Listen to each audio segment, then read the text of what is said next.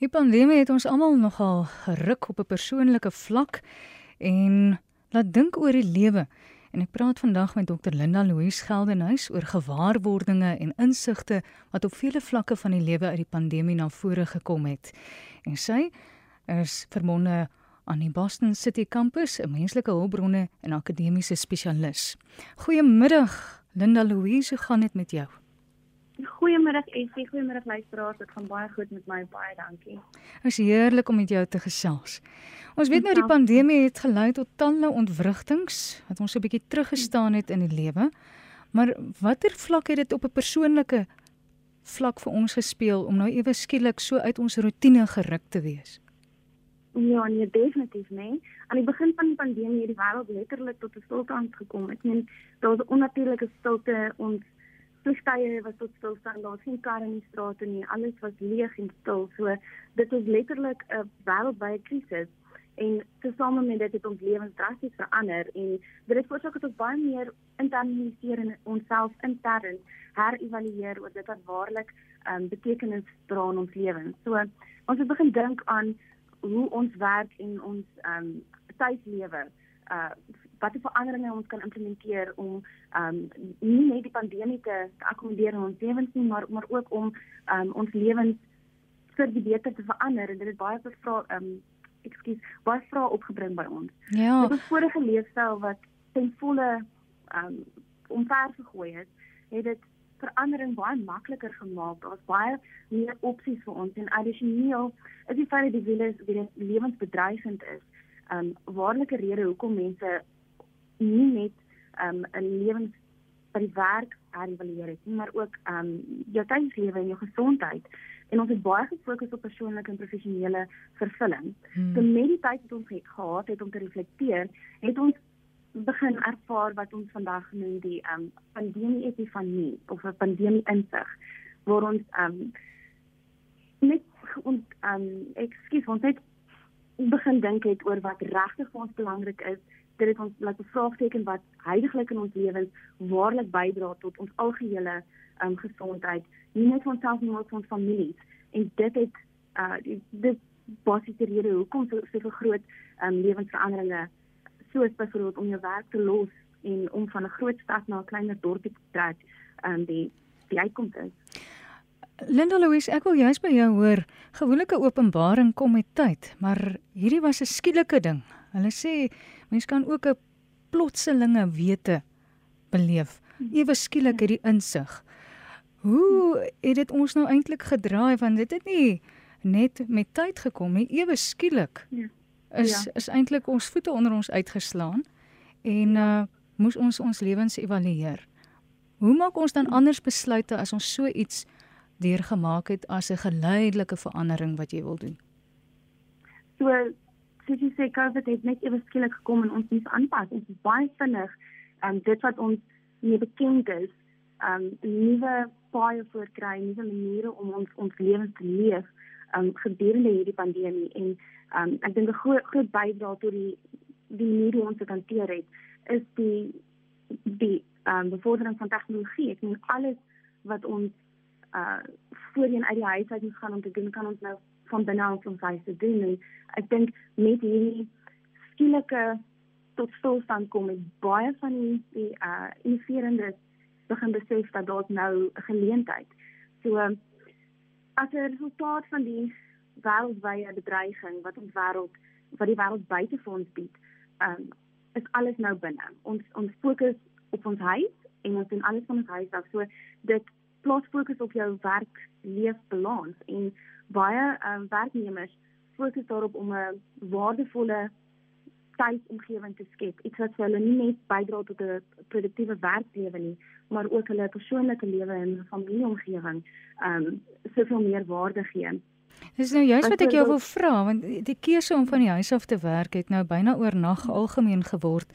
Watter invloed het dit op hierdie balans tussen werk en ons span in ons daaglikse lewe?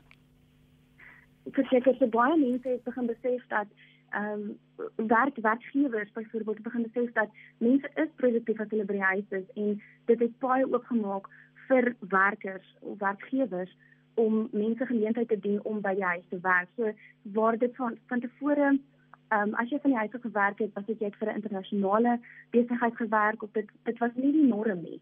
Maar vandag het soveel meer werkers begin besef dat hulle nie nodig om groot oorhoofkostes om te vir kantore te huur uh, aan te hou om hulle besigheid te laat winsgewend uitkom aan die ander kant nie. So baie mense het begin besef dat as hulle van die huis af werk byvoorbeeld, die tyd wat hulle sou spandeer daaraan om te reis tussen die huis en die werk, spandeer hulle nou aan werk of hulle spandeer dit nou aan iets, iets anders wat hulle baie meer produktief deur die dag gaan wees. Byvoorbeeld baie mense jy kan jy was gedoen in jou lunch uur deesdae. So ehm um, hm. daar's baie minder uh onderbrekings by die huis ook. Dit gee jou baie meer tyd om om te fokus op wat jy doen en ehm um, daar's nie kantoordrama wat wat jy betrokke kan word nie nie. So as jy van die huis af werk, jy jy plaas die fokus op die huis en die familie. Ehm um, en mense dra die die voordele wat wat van die huis af werk hulle dien.